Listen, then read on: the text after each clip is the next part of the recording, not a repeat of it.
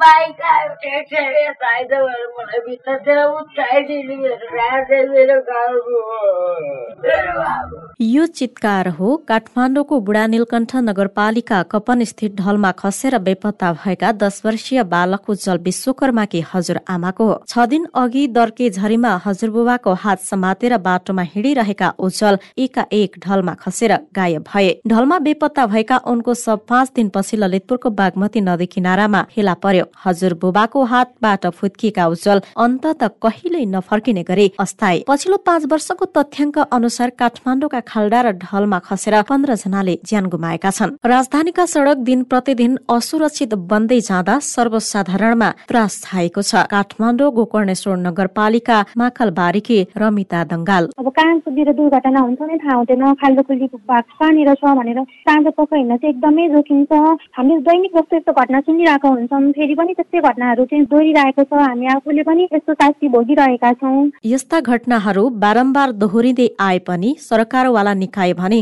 मुख दर्शक बन्ने गरेको छ। सड़क मर्मतका नाममा सरकारले वर्षेनी अर्बौं कर असुल्ने गरे पनि काठमाडौँका सड़क ज्यान लिने धराप जस्तै बनेका कागेश्वरी मनोहरा नगरपालिकाका स्थानीय गंगाराम बस्नेत बताउनुहुन्छ।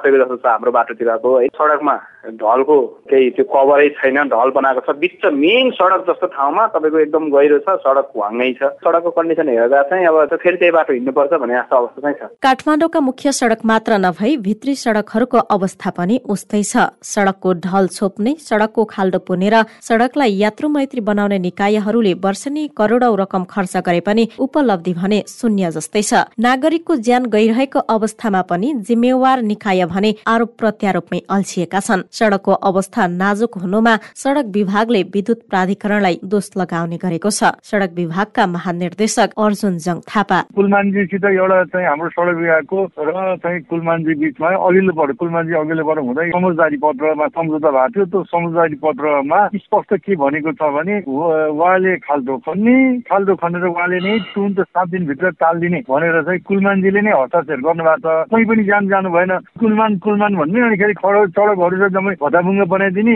अनि हामीले गाली सुन्ने त्यो त भएन। मुलुक संघीयतामा गएसँगै तीन तहको सरकारको संरचना छ। आफ्नो क्षेत्राधिकार काम गर्ने अधिकार स्थानीय तहलाई जान्छ। तर बुढा नीलकण्ठ नगरपालिकाका प्रवक्ता नवराज भट्टराई भने केन्द्रीय सरकारले स्थानीय तहलाई जिम्मेवार बनाउन नसक्दा आफूहरूले जनताको समस्यालाई सम्बोधन गर्न नसकेको तर्क गर्नुहुन्छ। केन्द्र सरकारले बजेट विनियोजन गरे पनि त्यो स्थानीय सरकारमा त्यो बजेट पठाउने र स्थानीय सरकारलाई बढी रेस्पोन्सिबल बनाउने र तुरुन्तै काम गर्नको लागि त्यसको खालको टास्कहरू स्थानीय सरकारले बनाउने अवस्था बन्यो भने स्थानीय तहमा पनि त्यो सम्बन्धित वडालाई स्थानीय तहको सरकार र स्थानीय तहको सरकार अन्तर्गत कुन वडामा पर्छ त्यो वडालाई बढी जिम्मेवार बनाउने भने सानो सानो चाहिँ युनिटमा काम गर्ने कुरालाई चाहिँ हामी चुस्त दुरुस्त बनाउन सक्यो भने काठमाडौँमा रहेको सडकको खाल्डाखुल्डीलाई चाहिँ अकालमा मानिसले मर्ने अवस्था चाहिँ बन्दैन लाग्छ। नागरिकको जीवन रक्षा गर्नु सरकारको दायित्व हो। आफ्ना काम कारवाहीमा तदारुकता देखाउन सक्नुपर्छ। जुन जोगी आए पनि कानै चिरेको भने झै जुन सरकार आए पनि सत्ता र शक्तिका लागि मात्रै मरिहत्ते गरेको देखिन्छ। अब पनि सरकारले जिम्मेवार नबन्ने हो भने थुप्रै उज्जवलहरूको सब